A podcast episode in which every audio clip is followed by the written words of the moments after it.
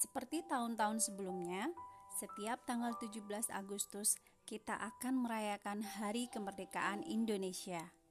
Dan tahun ini, tahun 2021, bangsa kita tepat sudah 76 tahun merdeka. Yeay! Ramai sekali teman-teman share makna merdeka dari berbagai sudut pandang. Semuanya oke-oke dan pastinya bebas merdeka mendefinisikan arti merdeka versi terbaik mereka. Dan dalam podcast Ibu Profesional Regional Yogyakarta kali ini, saya izin menyampaikan makna merdeka dari angle agama Islam. Saudariku, sesungguhnya Islam itu diturunkan untuk membawa misi kemerdekaan manusia. Merdeka dalam Islam berarti pertama membebaskan diri dari penghambaan kepada sesama makhluk.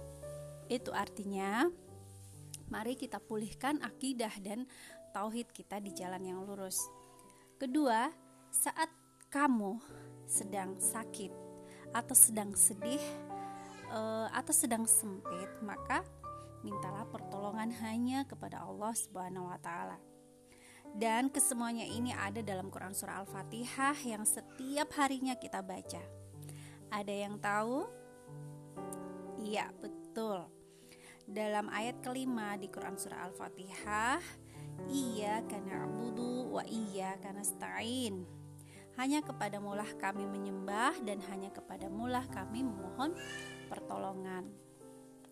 Ketika bangsa kita menyelami makna merdeka yang hakiki ini dan juga mempraktekkannya dengan benar, maka saya sangat yakin Indonesia akan tangguh dan survive melewati segala macam tantangan di depan. Demikian dari saya, salam merdeka. Lina Ibuni Azam pamit undur diri. Merdeka!